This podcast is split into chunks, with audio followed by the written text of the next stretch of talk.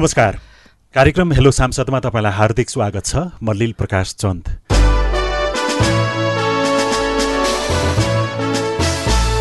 कार्यक्रम हेलो सांसद सामुदायिक सूचना नेटवर्क सिआइएनले उत्पादन तथा प्रसारण गर्दै आएको छ।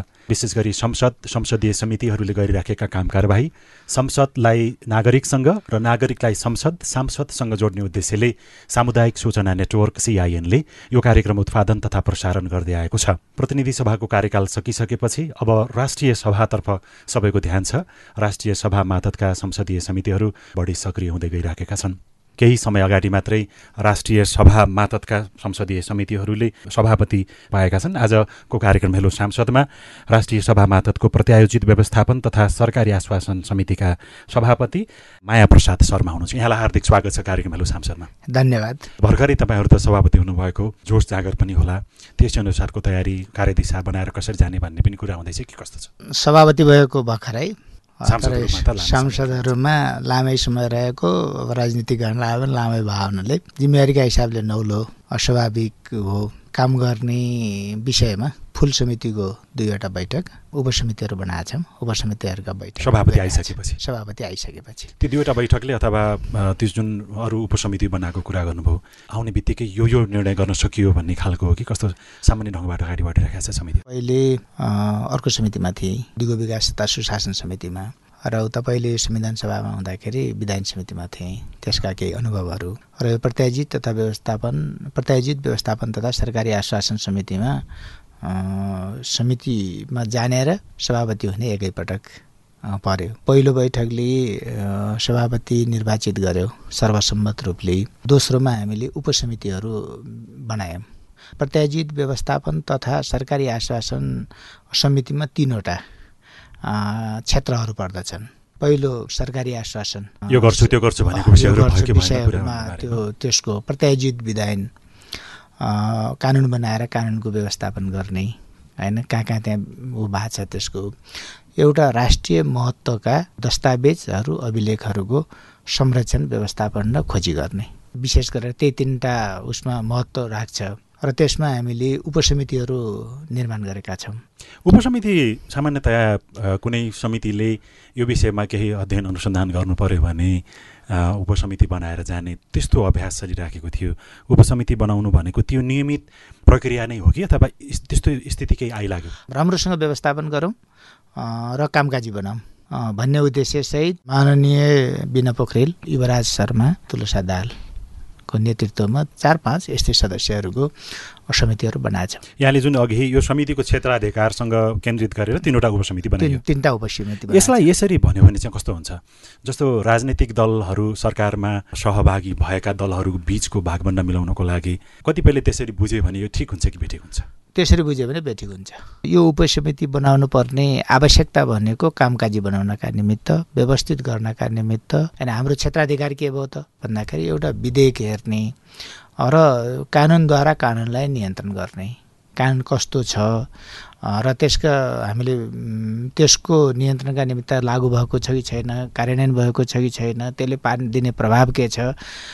यस्तो भयो हुनाले एउटा त्यसको खोजी गर्ने गहिरो ढङ्गले अध्ययन गर्ने केही धेरै पूर्व माननीय उसको सभापति हुनुहुन्थ्यो हाम्रो रामनारायण बिरारी उहाँको नेतृत्वमा हुँदाखेरि पनि धेरै काम गर्नुभएको छ ठुल्ठुला काम गर्नुभएको छ। र केही बाँकी छ। समितिले त एउटा तपाईँहरूले थाहा पाइसक्नुभयो होला हुन त यहाँ अगाडि पनि दिगो विकास समितिमा हुनुहुन्थ्यो। त्यस कारणले गर्दाखेरि पनि अथवा लामो समयदेखि एउटा सांसदको सक्रिय भूमिकामा रहँदाखेरि खासै काम गर्न समस्या हुँदैन भन्ने प्राय ठानिन्छ होइन? तपाईँले योजना बनाएर यति काम यहाँसम्म पुगिसकेको रहेछ बाँकी काम म यसरी अगाडि बढाउँछु भन्ने त्यो यात्रा सुरु भइसक्यो कि अथवा बुझ्दै हुनुहुन्छ? यो कस्तो छ भन्दाखेरि हाम्रो यात्रा सुरु भयो। कहाँ कहाँ के के थियो भनेर दस्तावेज हामीसँग छ। होइन त्यहाँ छलफल गर्ने त्यहाँ अनुभवी मान्यजी पनि हुनुहुन्छ त्यही समितिमा रहेको र काम गरेको। लामो समय छ छ छ वर्षसम्म त्यही समितिमा रहेरै काम गर्नुभयो मान्यजीहरू हुनुहुन्छ। अहिले पाँच वर्ष भनौँ अब छ वर्षभन्दा पाँच वर्ष नै एक वर्ष बाँकी छ। त्यहाँ अनुभव त्यहाँबाट सँगाल्ने हो दस्तावेज बोल्ने हो होइन के के काम भयो भनेर। हामीले त्यसलाई नयाँ बनाउनु केही पनि छैन। तर हामीले खोजेको के हो गर्न खोजेको के हो भने तिनवटा समितिलाई प्रभावकारी बनाउने एउटाले विधानतिर हेर्ने। कहाँ कहाँ छ भनेर भन्ने ल्याप्सेस कहाँ छन् कार्यान्वयन कहाँ छ र त्यसलाई कार्यान्वयन गर्नका निमित्त प्रेसर कसरी सिर्जना गर्ने दबाब कसरी दिने सरकारलाई कसरी सचेत बनाउने होइन कानुन विपरीत गरेका क्रियाकलापहरू के के हुन् त्यसलाई हामीले जनताको बिचमा कसरी लिने होइन यो विषयमा हामीले एक एउटा समितिले अध्ययन गर्ने। सरकारी आश्वासन छ सरकारले यो गर्छु ऊ गर्छु भनिरहेको छ निर्णय गरेको छ होइन उसमा गजेटमा पारित गरेको छ यिनी जे जे छ यिनी सबैलाई अध्ययन गरेर यहाँ यस्तो छ यो कार्यान्वयन भयो यो कार्यान्वयन भएको छैन कार्यान्वयन किन भएन? भनेर भन्ने कुरालाई सरकारलाई सचेत गराउनका निमित्त सरकारी आश्वासनलाई हामीले त्यसलाई सङ्कलन गर्छौँ। राष्ट्रिय महत्त्वका दस्तावेजहरू छन्। विशेष गरेर हामीले लिखित रूपले जसरी नेपालमा दस्तावेजहरू भए त्यहाँदेखि यहाँसम्मका दस्तावेजहरू त्यसपछि सन्धि सम्झौताहरू त्यति बेलाका ती क्षेत्रहरूमा त्यहाँका समुदायले बोलिने भाषाहरू त्यति बेलाका दस्तावेजहरू त्यति बेलाका नियम कानुनहरू शिलालेख र ताम्रपत्रहरू यिनी जति छन् यिनीहरूको पनि हामीले खोजी गर्ने। संरक्षण कतिको भएको छ कति कमी भएको छ यिनी सबै कुराहरूलाई हामीले सङ्कलन गरेर हामी के गर्छौँ भने अब चुनावमा जान्छौँ। चुनावमा जाउन्जेलसम्म हामी सबै हामी विकेन्द्रित हुन्छौँ। सबै देशभरि जान्छौँ राष्ट्रिय सभाका सबै सदस्यहरू। हामी त त्यो समितिको हिसाबले आफ्नो दलको हिसाबले आफ्नो हुँला तर समितिकै सदस्य भएर जान्छौँ। त्यहाँ हेर्दै गयो भने सबै ठाउँबाट हामी सङ्कलन गरेर आउँछौँ। भनेको त्यस्तो के चाहिँ सङ्कलन गर्ने विचार छ? होइन काम गर्न हामी दुइटै एउटा काम गर्न जान्छौँ। अहिले महत्त्वपूर्ण कुरा निर्वाचनको कुरा भयो प्रदेश र सङ्घको। त्यो निर्वाचनमा हामी सबै कुनै न कुनै दलसँग आबद्ध छौँ। कतिपय लिडरसिप छौँ कतिपय त्यसका समर्थक हुन्ला शुभचिन्तक जे भयो भने हामी आबद्ध छौँ काहीँ न काहीँ। त्यहाँ प्रचार गर्न जान्छौँ हामी अथवा त्यसको योजना बनाउन जान्छौँ। त्यहाँ जाँदाखेरि हाम्रो त्यो योजनासँगै त्यसको पनि खोजी होस्। अब मानिज्यू तपाईँले समिति बनाउनु भयो समितिको सभापति तपाईँ हुनुभयो तिनवटा उपसमिति बनाउनु भएको छ। यसो चलढाल हेर्दाखेरि यो समिति एउटा आक्रामक रूपमा साँच्चीकै राम्रै काम गर्ने ढङ्गबाट अगाडि बढ्छ कि जस्तो देखिन्छ? तपाईँको विगतको अनुभवले पनि तपाईँलाई लाग्छ कि तपाईँले सोचे जसरी जसरी जुन प्रकारको संरचना तपाईँले बनाउनु भयो त्यही अनुसारको काम सजिलो छिटो गर्नको लागि बाधा अवरोधहरू नहोलान्? के पूर्ण विश्वास छ भने सबै मान्यजीहरू हाम्रा आस्था विचार सङ्गठनात्मक संरचनाका हिसाबले फरक फरक भए पनि हाम्रो प्रतिबद्धता के छ भने हाम्रो समितिले एउटा ऐतिहासिक कारणको थालनी गरोस् र पूर्णता देओस्। र विगतमा पनि राम्रो उठान भएको छ। त्यसलाई हामीले गम्भीरतापूर्वक लियौँ अस्ति पूर्व हाम्रो सभा- सभापतिज्यूसँग पनि हामीले अन्तर्क्रिया गऱ्यौँ दुई दुई पटक। होइन उहाँहरूको अनुभवहरू र बाँकी कामका कुराहरूलाई हामीले मजाले सुस्पष्ट हामीले अध्ययन गर्ने अवसर पायौँ। त्यसो भए पूर्व सभापतिजीले उहाँको कुरा सुन्दाखेरि कति काम चाहिँ अझै बाँकी रहेछ त? काम भनेको के रहेछ भन्दाखेरि सकिने चिज होइन त्यो। गर्दै जाने उत्पत्ति हुँदै जाने फेरि गर्दै जाने फेरि उत्पत्ति हुँदै जाने कुरा हो त्यो। संसद होइन जति बेलासम्म यसको प्रक्रिया अगाडि बढ्छ त्यति बेलासम्म समिति पनि बन्छ त्यसले काम पनि गर्छ। पुरानाहरूको संरक्षण गर्दै नयाँ उत्खनन गर्दै फेरि नयाँ निर्माण गर्दै जान्छ। त्यस कारणले यति बेलासम्म सक्ने यस्तो त कम हुन्छ। तर उहाँले उठाएका विषयहरू मध्येको मलाई लाग्ने कि धेरै काम गर्नुभएको छ। हामीले हेर्दाखेरिको कस्तो देख्छौँ दस्तावेजहरू सङ्कलन भएको छन्। होइन कतिपय दस्तावेज हाम्रो देशमै पाइँदै रहन्छन्। होइन बेलायत उता इन्डियातिर छन्। सङ्ग्रहालयमा त्यहाँ कसैले व्यक्तिगत ढङ्गले कसैले राखेका कुरा पत्ता लगाएको छ कतिपय पुस्तकालयहरू हेर्दा अध्ययन गरेर त्यहाँ खोजी गरेका कुरा छ होइन अब सरकारले गरेका काम कारबाहीहरूलाई पनि आश्वासन कहाँ कहाँ दिए थिए त्यसलाई कार्यान्वयन गर्नका निमित्त प्रेसर खडा गरेको कतिपय कार्यान्वयन भएको कति फेरि आश्वासन दिएको र त कार्यान्वयन नभएको यस्ता तमाम खालका छन् तर तिनी सबैलाई हेरेर के के कार्यान्वयन भयो? तिनलाई धन्यवाद बधाई दिने कार्यान्वयन नभएका कुरा किन भएनन् भनेर भन्ने। फेरि पनि सरकारले फेरि आश्वासन दिन्छ। फेरि कार्यान्वयन भयो कि भएनन् भनेर भन्ने कुरा छलफल चलिरहेको छ अ, तपाईँको समितिको लागि चाहिँ विशेष गरी ऐनद्वारा प्रत्यायोजित अधिकार बमोजिम नियमावली विनियमावली निर्देशिका कार्यविधि आदेश मापदण्ड बनेका छन् छैनन्। बनेका ती प्रत्यायोजित विधानहरू सिद्धान्त अनुरूप बनेका छन् या छैनन्। राष्ट्रिय सभाको बैठकमा सरकारले व्यक्त गरेका आश्वासनहरू समयमै कार्यान्वयन भयो कि भएनन् भन्ने विषय मुख्यतः यो समितिको क्षेत्राधिकारभित्र हजुर। यस अगाडि जब नेपाल र भारत बिचको सिमाना सम्बन्धी केही बहसहरू आफ्ना मतहरू व्यक्त भए त्यतिखेर अब यदि साँच्चीकै भारतले पछिल्लो पटक नेपालले जुन जुन क्षेत्रहरू नयाँ नक्सामा समावेश गरेको छ त्यो विषयको बारेमा बहस छलफल गर्नु पऱ्यो भने नक्सा छ कि छैन त अथवा हाम्रा त्यस्ता दस्तावेजहरू छन् कि छैनन् भन्ने बारेमा एउटा बहस भएर त्यतिखेर समिति अलिकति जागेको जस्तो देखियो होइन? पूर्व सभापति बिडारीज्यूले पनि हामीसँग के भन्नुभएको थियो भने यो सरकारले निर्देशिका नियमावली बनाएकै कारणले गर्दाखेरि पनि नेपालमा सुशासन होइन भ्रष्टाचार बढिरहेका देखिन्छ। नियमावली आफ्नो आफ्नो ढङ्गको अनुकूलको बनाउने अनि सरकारको एउटा ढुकुटी सम्पत्तिमाथि चाहिँ अवैध रूपमा त्यस्तो प्रकारको छलखेल भइरहेको छ भनेर भन्नुभएको थियो होइन? अब तपाईँहरूले यो समितिले कामको सुरुवात हात चाहिँ कहाँबाट हाल्ने हो त? अहिले हामीले यो प्रारम्भिक चरणकै विषय भयो।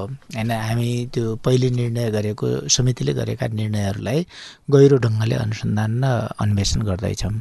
र सरकारले गरेका कामहरू कति भयो कति भएन भनेर हामीले हेर्दैछौँ। यो हामीले तिन कुरालाई अध्ययन गरेर हेर्छौँ। पहिलो कुरा पुरानो दस्तावेजै हुने भयो। फेरि उहाँहरूले सङ्कलन गरेको दस्तावेज।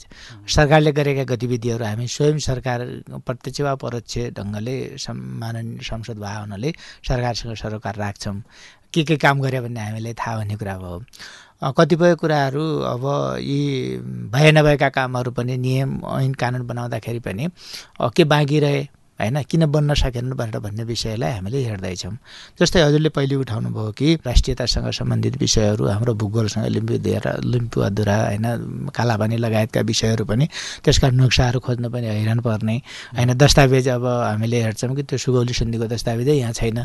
बाह्र भन्ने छ होइन? त्यो बेलायत पाइन्छ इन्डिया पाइन्छ कहाँ कुन ठाउँमा भनेर भन्दै हुन्थ्यो होइन? अनुसन्धान गर्दाखेरि त्यस्तो छ नेपालमा ओरिजिनल दस्तावेज छैन भनेर भन्ने यी सबै कुराहरूलाई हेर्नका निमित्त अनुसन्धान गर्नका निमित्त मद्दत गरेको छ। पाइसक्यो हल भयो। भन्दाखेरि एउटा यो एक किसिमले हल भयो। एक किसिमले के भन्छ समितिले बारम्बार कुरा उठाउने भयो सरकारलाई प्रेसर भयो होइन? सर्वसम्मत ढङ्गले हाम्रो भू भूगोल हो भनेर भन्ने चु नक्साका विषयमा त हामीले एउटा निष्कर्ष निकाल्यौँ नि त। यत्रो द्वन्द्व हुँदा हुँदै अथवा एकअर्कामा सम ऊहरू पार्टीहरू नमिल्दा नमिल्दै पनि राष्ट्रियताका हिसाबले त एकजुट भयो नि त। कसैको पनि असहमति थिएन चुचे नक्सा पारित गर्ने सन्दर्भमा पक्ष र विपक्ष प्रतिपक्ष सरकार पक्ष हुँदाखेरि पनि।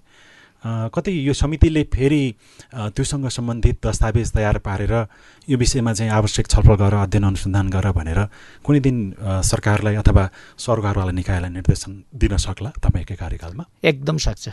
अब यहाँका विषय उठ्या पनि छ होइन?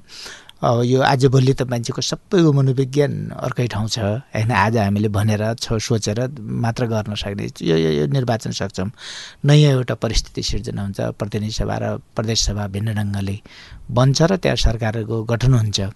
त्यो भइसकेपछि पुरानो सरकारले गरेका कामहरू र त्यसपछि राम्रा नराम्रा कामहरूको पहिचान र अनु उसको अनुगमन गर्ने कुरा भयो। र त्यसपछि यो समितिले नै त्यो चुच्चे नक्सा किन पारित गरेको एक मतले त्यो हाम्रो भूगोल आयो कि आएन भनेर भन्ने कुरा त खोज्नुपर्छ सोध्नुपर्छ र त्यहाँ प्रेसर गर्नुपर्छ। त्यो राष्ट्रियताको एकमतको सवाल भयो क्या। त्यो कसैको व्यक्तिगत ढङ्गले कसैको आफ्नो पर्स कुनै पनि चिज भएन। त्यो फेरि हामी एकजुट थियौँ। किन भयौँ त भन्दाखेरि नेपालीले एउटा देखाउन खोजेको राम्रो पक्ष पनि हो त्यो। होइन? त्यसलाई हामीले झन् आज कार्यान्वयन भएको नभएको विषयमा त समितिले हस्तक्षेप गर्नुपर्छ। अब अरू पनि त्योसँग जोडिएका अरू पनि त्योसँग सरकार राख्ने समिति समितिहरू छन्। सबैले पनि गर्ने हुन्छ र हाम्रो समितिले त्यो काम गर्न अर्को कुरा चाहिँ आश्वासन भनेको सरकारले काम चाहिँ गर्नको लागि आश्वासन दिन्छ तर पुरा गर्दैन भनेर एउटा नागरिकमा त्यस्तो बसिसक्यो। नेपालमा यस्तो स्थिति बस्न सकेन कि सरकारले आज गर्छु भनेको कुरा कतिपय कुराहरू भोलि पुरा गर्नुपर्ने होला अथवा एक हप्ता लाग्ला एक महिना लाग्ला त्यो हरिसाब गरेर यो यो सरकारले गर्छु भनेको थियो यो गर्यो त्यो गरेन अथवा यो यो हामीले गर्छौँ भनेका थियौँ त्यो गर्न सक्यौँ त्यो गर्न सकेनौँ भनेर त्यो बिरलै सुनिन्छ यस्तो प्रकारको जानकारी दिने गरेको। राष्ट्रिय सभामा सरकारले यो जुन प्रतिबद्धता आश्वासन दिन्छ नि त्यसको दस्तावेज राख्ने क्रम चाहिँ के हुन्छ? जस्तो सम्बन्धित समितिका अथवा सम्बन्धित मन्त्रालयका सचिवहरू कर्मचारीहरू त्यहाँ हुन्छन्। त्यसकारण उनीहरूले लेखेको कुराहरू हामी अब एक एक पन्ना पल्टाउँदै जान्छौँ र कति पुरा भयो भएन भनेर खोज्छौँ भन्ने हो कि। अथवा त्यो सबै अडियो भिडियो हुन्छ त्यो सुनेर त्यो ल्याउन लगाएर समितिले फेरि आवश्यक कारवाही अगाडि बढाउँछ भन्ने हो। त्यो विशेष गरेर तिनवटा कुराबाट त्यो हुने कुरा भयो। सरकारले आश्वासन दिने कुरा एउटा बोलेर दिने। होइन मन्त्रीज्यूहरूले मान्यज्यूहरूले कुरा उठाउनुहुन्छ यो पुल किन बनेन? उदाहरणको निमित्त यो बाटो किन बनेन? होइन त्यो किन भत्कियो? अथवा गरिबी किन रह्यो? होइन अब कुनै कुनै केही न केही इस्यु नि शुल्क शिक्षा भने शिक्षा किन भएन? भनेर भन्ने भयो। यस्ता विषयहरू उठायो भने मन्त्रीज्यूहरू रोस्टुममा गएर उहाँहरूले सांसदहरूलाई जवाब दिनुहुन्छ। होइन हामी यो कारणले समस्या रह्यो अथवा यसरी हामी गर्छौँ भनेर उहाँहरूले जवाब जो दिनुहुन्छ त्यो जवाब हाम्रो मौखिक जवाब भयो होइन? भनौँ अहिले हामीले सुनेर थाहा पाउने भयो त्यो। रेकर्ड हाम्रो संसदमा रहन्छ र त्यसको प्रतिलिपि संसद सचिवालयले दिन्छ त्यो हामीले जो जे माग्छौँ त्यो भने हामीले पुरानो पनि पाउँछौँ वर्तमानका पनि पाउँछौँ भोलि भनेपछि तपाईँको कार्यकाल अब सुरु भइसकेपछि त्यो समय कति लाग्छ? कति हुनु कति समयपछि होला कि समितिले अथवा राष्ट्रिय सभामा यो यो आश्वासन सरकारले दियो यति पुरा गर्यो यति एक महिनाभित्रमा यस्तो देखियो भनेर हरिसाब तपाईँ देखाउन सक्नुहुन्छ अथवा त्यो सोचका साथ अगाडि बढ्नु भएको छ कि छैन? हामीले भर्खरै एउटा के गरेका छौँ भन्दाखेरि एउटा उपसमितिले निर्णय गरेको छ हाम्रो कतिपय कानुनसँग बाजिएका विषयहरू। होइन कानुनसँग बाजिएका विषयहरू कार्यान्वयन गर्ने कुरामा यो त्यो भनेका विषयहरू जो छन् यसका निमित्त मन्त्रालयमा हामीले अस्ति चिठी लेखेका छौँ एउटा सात दिनभित्र ती दस्तावेजहरू तिन तपाईँले गरेका कामहरू के पुरा भए के के तपाईँले लागु गर्नुभएको छ यो हामीलाई पठाइदिनुहोस् भनेर भनेको छ। सबै मन्त्रालयलाई। सबै मन्त्रालयलाई। अब त्यो आइसकेपछि हामीले फेरि उपसमितिले समिति फुल समितिमा बुझाउँछ। फुल समितिले त्यसलाई अध्ययन गर्छ। त्यो हो या होइन भन्ने कुरा पनि थपघट गर्छ। त्यसले पुरा गर्यो भने अनि बल्ल फेरि त्यसले एउटा सरकारलाई यो काम गर्नका निमित्त भनेर निर्देशन दिने भयो। जस्तै दस्तावेजहरू पनि हुने भए। दस्तावेज फलानु दस्तावेज चाहियो हामीलाई राष्ट्रलाई आवश्यक पऱ्यो। तपाईँले त्यो छ कि छैन बुझाउनुहोस् भनेर सरकारलाई भन्ने भयो। त्यो सम्बन्धित मन्त्रालयलाई। छ भने छ भनेर ल्याएको छ छैन भने छैन भन्छ। अभिलेखहरू छन्। होइन ठाउँ ठाउँमा यस्तो अभिलेखहरू छन् कि यो फलान ठाउँमा छ। जस्तै सिजा सभ्यताको बारेमा अभिलेख जुम्लामा छ। उदाहरणको निमित्त मैले अलि बढी त्यो कुरा आउने भयो त्यतै होइन। त्यो छ भनेर भन्ने हामीले भयौँ भने सिजा सभ्यताको विषय के हो त्यसको? सांस्कृतिक पक्ष के हो? राजनीतिक पक्ष के हो? सामाजिक पक्ष के हो? होइन राष्ट्र कस्तो थियो भनेर भने त्यो त्यो बारेमा पठाइदिनुहोस् भनेर त्यहाँ हामीले मन्त्रालयमा सम्बन्धित मन्त्रालयलाई भन्ने भयौँ। मन्त्रालय निर्देश किराँत सभ्यताको अवस्था के थियो किराँत सभ्यता के थियो? होइन अब यस्तो उसको मैथली भाषाको के हो त? होइन अब अवधि भाषा भने के हो त? भनेर भन्न सक्छ। होइन गोर्खा राज्य कस्तो थियो? त्यसका के गरी चल्थ्यो भनेर भन्ने कुरा पनि हुने भयो। होइन यी सबै कुराहरूलाई हामीले पुरानो अभिलेखहरूलाई पनि हामीले समिति मार्फत संरक्षण गर्न सक्छौँ। अहिले बुझाइ के एउटा मानक जस्तो केही स्थापित भयो भने यो समिति भनेको एउटा औपचारिकता मात्रै हो समितिले निर्देशन दिन्छ सरकारले कार्यान्वयन गर्दैन अथवा समितिको बैठक पनि अब बस्ने कि नबस्ने भन्ने कुरा समितिको सभापति भन्दा पनि राजनैतिक दलको नेतृत्वमा भर पर्ने नेतृत्वलाई सोधेर बसौँ कि नबसौँ भनेर अथवा बस्न र नबस्नबाट नेतृत्वले हस्तक्षेप गरेको भनेर सुनिए विगतमा। तपाईँको कार्यकाल तपाईँको समितिमा यी सबै कुराहरू लागु होलान् कि अथवा तपाईँ अरूभन्दा फरक रहनु होला पहिलो कुरा त हरेक मान्छे के हुन्छ भने कुनै न कुनै आइडियोलोजीका ढुपले निर्देशित हुन्छ। पर्सनल पक्ष भयो राजनीतिक पक्ष भयो। हाम्रो के हुने भयो भन्दाखेरि हेर्दाखेरि अब माथिबाट हस्तक्षेप भयो भने के गर्ने? माथिबाट हस्तक्षेप हुँदैन गर्दैन। होइन उसले हस्तक्षेप गर्न पाउँदैन। किनभने सांसदहरूसँग आफूसँग अधिकार हुन्छन्। अब कतिपय वेब सेपका कुरा हुन्छ यो त समितिमा वेब लाग्ने कुरा पनि भएन। विशेष केही चिजहरू हुन्छन् त्यतिमा मात्रै हो सबैमा वेब पनि हुँदैन।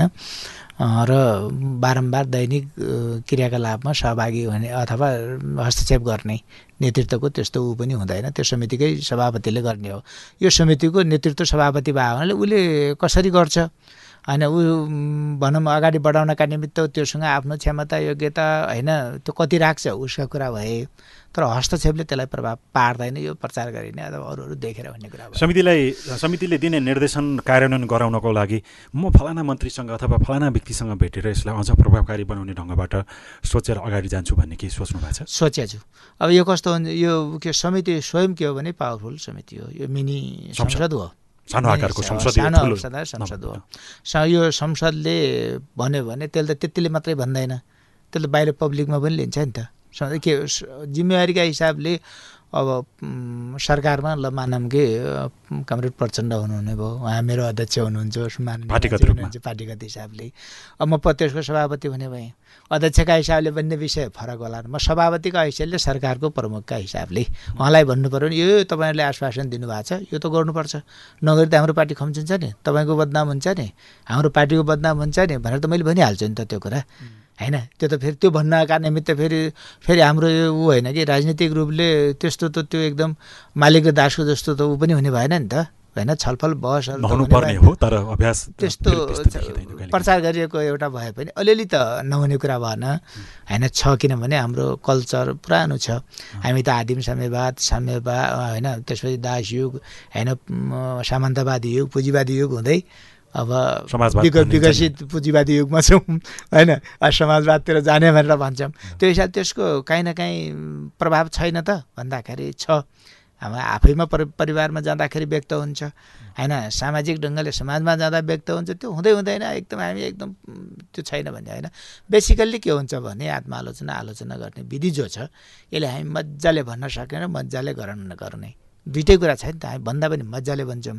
ग्रहण गर्दाखेरि पनि मजाले गर्छौँ नि त। कतिपय के हुन्छ भन्दाखेरि भन्दाखेरि एकदम दलाली गर्ने चाकरी गर्ने एकदम एकदम केही छैन भने बाहिर गएर होइन गाली गर्ने। यो यो झुना त भएन त त्यो त अराजकता हो। होइन छलफल भने त अराजकता होइन नि त। यस कारण हामीले मजाले भन्न सकिन्छ। यसले हामीलाई प्रभाव पार्दैन भन्ने मेरो एकदम दृढ विश्वास छ।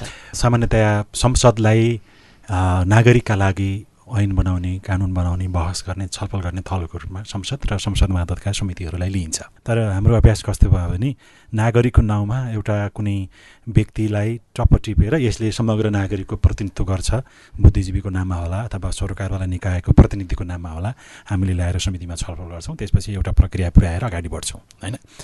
तर समितिलाई नागरिकसँग जोड्नको लागि पनि केही सोच्नु भएको छ? एकदम सोचेको छु। यसको समिति हामीले यो दुईवटा फेरि यहाँ पनि के छ भने तिनटै विषयहरूसँग यसको सरकार राख्छ। एउटा के हुन्छ भन्दाखेरि सरकार हुन्छ। होइन? सरकार ठिक छ कि छैन भनेर भन्ने कुरालाई यसले हेर्ने भयो।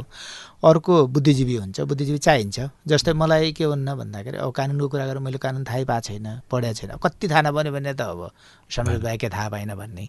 तर जति मलाई चाहिन्छ नि होइन पब्लिकलाई चाहिने जति हुन्छ त्यति त म थाहा पाउँदैन। कानुनको कुरा थाहा पत्ता लगाउनका लागि त कानुन पृष्ठभूमिको बुद्धिजीवी त चाहियो नि त। उहाँलाई ल्याएर होइन बहस छलफल गराएर त्यसका धारा उपधारा तर्क वितर्क गरेपछि बल्ल थाहा हुन्छ नि त। त्यो त्यति बेला त्यो एउटा प उसमा के हुन्छ भने विज्ञहरूको केन्द्रीकरण हुने भयो। त्यसलाई जनतामा कसरी पुर्याउने? भन्दाखेरि हामी फेरि जनतासँग जान्छौँ। जनतासँग समितिले नै विभिन्न कुरा लिएर फेरि जनतासँग जान्छ। जनतासँग गएर के भन्छ त भने हामीले प्रत्यायोजित विधानमा यो यो समस्या थियो यस्तो यस्तो हामीले कुरा राखेका छौँ त्यहीँ। होइन अभिलेखका राष्ट्रिय दस्तावेज र अभिलेखका विषयमा हामीले यो कुरा गरेका छौँ। हामी तपाईँले काहीँ देख्नु भएको छ भने हामीलाई दिनुहोस् भन्नुहोस् खोज्नुहोस्। र सरकारी आश्वासन यसो यसो भा हो। होइन यो गरेको चाहिँ हामीले यो कुरा राखेका छौँ। तपाईँले पनि प्रेसर गर्नुहोस्। होइन? भनेर फेरि हामी जनतासँग जान्छौँ। जनताले खोजेका कुरा बुझेका कुरा र जानेका कुरा फेरि यता ल्याउँछौँ। यताबाट हामीले गरेका कुरा उता लिएर हामी तिनटै कुरालाई हामीले जोडेर लैजाने कुरा योजनागत ढङ्गले निर्माण गरेका छौँ। यो भनेको कुरा पुरा गर्नुहुन्छ तपाईँले। पुरेको कुरा एकदम पुरा गर्ने। र अर्को चाहिँ समितिको बैठक कति बस्ने कसरी बस्ने भन्ने कुरा त्यो समा सभापतिमा निर्भर गर्ने हो कि अथवा कसरी हुन्छ? अहिले तपाईँले दिगो विकासमा पनि गरेको त्यो जुन अभ्यास गर्नुभयो त्यो आधारमा चाहिँ कस्तो छ अहिले? हाम्रो समिति अब स्वतन्त्र हुन्छ। अब कार्यालय टिम हुने भयो सचिवालय टिम हुन्छ। र मान्यज्यूहरू हुनुहुन्छ होइन? चौध पन्ध्रजना मान्यज्यूहरू हुन्छ। हामी छलफल गर्छौँ कति बेला के इस्यु छ त्यो इस्युमा कति बेला मिटिङ गर्ने भन्छौँ। अनि त्यसपछि गएर सभापतिले निर्देशन गर्ने सचिवालयले सूचना दिने। मान्यज्यूहरू आउने र छलफल गर्ने जनतासँग लिने। यो प्रक्रिया भए हुनाले महिनामा यतिवटा अथवा? हुँदैन। त्यो के हुन्छ भने आवश्यकता अनुसारको एकै महिनामा एकै दिन पनि दुईवटा तिनवटा बैठक बस्न पनि सकिन्छ। महिनामा चार पाँचवटा बैठक पनि बस्न सकिन्छ। बढी पनि बस्न सकिन्छ। बस्न पनि सकिन्छ। मैले तपाईँलाई कुरा किन सोध्दैछु भने नि अहिलेका हाम्रा समितिहरू संसदीय समितिहरू कोरोना आयो। स्वास्थ्यसँग सम्बन्धित समितिहरूले अलिक बढी गतिशीलता देखाएको जस्तो देखिन्छ। अब डेङ्गुको अहिले भइरहेका छ उनीहरूको सम्बन्धित अलि त्यस्तो खालको हुन सक्ला। तर बाँकी अरू समितिहरू ती छन् कि छैनन् ती त्यहाँ चाहिँ नेतृत्व छ कि छैन भन्ने कुरा त्यो खोज्नुपर्ने अथवा सोधि हिँड्नुपर्ने स्थिति अहिले देखिरहेका छ। तपाईँको कार्यकालमा तपाईँको समिति चाहिँ त्यसरी बेपत्ता नहोस् भनेर। बेपत्ता हुँदैन। विश्वास दिलाउँछु हजुर मार्फत नै सबै नेपाली जनतालाई होइन। हाम्रो समिति बेपत्ता हुँदैन। किनभने हाम्रो एकदम योग्य मान्यज्यू पनि हुनुहुन्छ बडा बडा पाका पाका मा मान्यज्यूहरू हुनुहुन्छ पुरानो समितिमा रहेका मान्यज्यूहरू पनि हुनुहुन्छ ठुलो सेक्रिफाइस गरेर होइन यो परिवर्तनका निमित्त महत्त्वपूर्ण भूमिका गरेका सबै मान्यज्यूहरूको जमघट छ मलाई उत्साहित र उत्प्रेरित गरेको छ। मलाई आफूलाई पनि के हो भन्दाखेरि म फेरि चौबिसै घन्टा चलिराख्ने पात्र हो एउटा। होइन म राजनीतिक सुरुवात गरेदेखि आजसम्म न थाकेको पनि छैन निराश भएको पनि छैन मलाई कुनै किसिमको त्यस्तो केही फिलिङ पनि छैन। होइन त्यो भयो मलाई के विश्वास छ भन्दाखेरि नजानेर हुने चिजहरूलाई खोजौँला सोधौँला छलफल गरौँला होइन यसको चिन्तनगत हिसाबले अल्छीपनका हिसाबले अथवा जनताको कामभन्दा भिन्न कुनै होइन वैकल्पिक पेसा व्यवसायका हिसाबले यसले असर कति पनि पार्दैन। त्यस कारणले यसलाई त दृढतापूर्वक लिन सकिन्छ भन्ने मेरो विश्वास। यो समितिमा त विभिन्न राजनैतिक दलका व्यक्तिहरू हुनुहुन्छ। व्यक्तिहरूको कारणले गर्दाखेरि के के हुन्छ भन्ने कुरा पछिल्ला केही अभ्यासबाट देखिन्छ। भोलि मत बहुमतको कुरा अथवा त्यस्तो आएको अवस्थामा कसरी जान सकिएला भन्ने बारेमा केही चिन्ता चासो छ कि अथवा कसरी सोचिरहनु राष्ट्रिय सभा नौलो रूपले विकसित भएको छ। प्रतिनिधि सभा जस्तो त्यति त्यो बनाएको छ। फेरि त्यो स्वाभाविक पनि छ प्रतिनिधि सभाले धेरै काम गर्नु प्रधानमन्त्री बनाउनुपर्छ। त्यसपछि अर्थ विधेयक पास गर्नुपर्छ। त्यो हामीले त्यति धेरै सरकार राख्दैनौँ। यिनी अभियोग सभियोग महाअभियोग के के हुन्छन् त्यो अब राष्ट्रिय सभा त्यसमा जमेलामा छैन त्यो। होइन त्यो भए हुनाले त्यस्ता त्यति कामहरूले नहुने भए राष्ट्रिय सभाको एउटा फरक खालको गरिमा स्थापित गरेका छ। हामी समयमा बैठक गर्ने समयमा सक्ने होइन छलफलका विषयहरूलाई पनि अलि जनकेन्द्रित बनाउने र त्यसपछि पार्टीगत हिसाबले हामी बाहिर रहँदाखेरि छलफल आस्थाका हिसाबले प्रतिपक्ष सत्तापक्ष भएर व्यञ्जमा बस्नै परिहाल्यो। होइन कतिपय इस्युहरू पार्टीका कारणले उठ्ने इस्युहरू छन्। होइन तर पनि हामीले के एउटा ऊ बनाएको छौँ भने राष्ट्रिय सभालाई नौलो ढङ्गले परिचालन गर्नका निमित्त मिहिनेत गरौँ भनेर भन्ने हिसाबले त्यो सुरुमा छ। सुरुमा अब त सा छ वर्ष त भइसक्यो त अब पाँच वर्ष त पार गरिसक्यो अब एक वर्ष बाँकी छ। पाँच वर्ष ठिक गऱ्यो भने त एक वर्ष ठिक हुन्छ भन्ने बुझ्नु पऱ्यो त्यसपछि त्यो संस्कार बस्यो भने अर्को छ वर्ष पनि ठिक हुन्छ भन्ने बुझ्नु पऱ्यो अब हामीले। होइन अब सबै बिग्रेकै मात्र कति सोच्ने। होइन त्यो छ। अब समितिमा पनि के छ भने त्यो हामीले भनेका छौँ। होइन कोही कुनै त्यो केही पर्सनल हिसाबले कसैलाई केही रुचि र चाहना केही पनि छैनन्। राष्ट्रका निमित्त खोज्ने र अनुसन्धान गर्ने हो। हाम्रो भाग त्यो परेको छ। होइन त्यो हामीले एकजुट भएर गर्छौँ भने चाहिँ मान्यज्यूहरूको त्यस्तो मानसिकता र सोचहरू नभए हुनाले यसले बल अल्पमत बहुमत सत्तापक्ष अल्प विपक्षले केही पनि गर्दैन यसलाई। समय दिनुभयो। यहाँलाई धेरै धन्यवाद छ सधैँ एकदम कुनै किसिमको समस्या पऱ्यो भने मात्रै सधैँभरि सुन्छु म। यसप्रति सामिप्यता छ।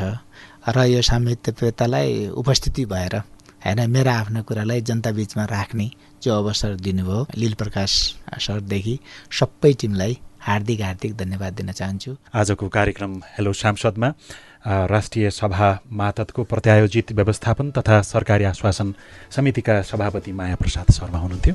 हेलो सांसदको अर्को अङ्कमा अर्को विषयको छलफल लिएर उपस्थित हुनेछौँ। तबसम्मको लागि प्रविधिमा साथ दिने सुभाष पन्तलाई धेरै धन्यवाद दिँदै लील प्रकाश चन्दलाई पनि बिदा दिनुहोस्। नमस्कार।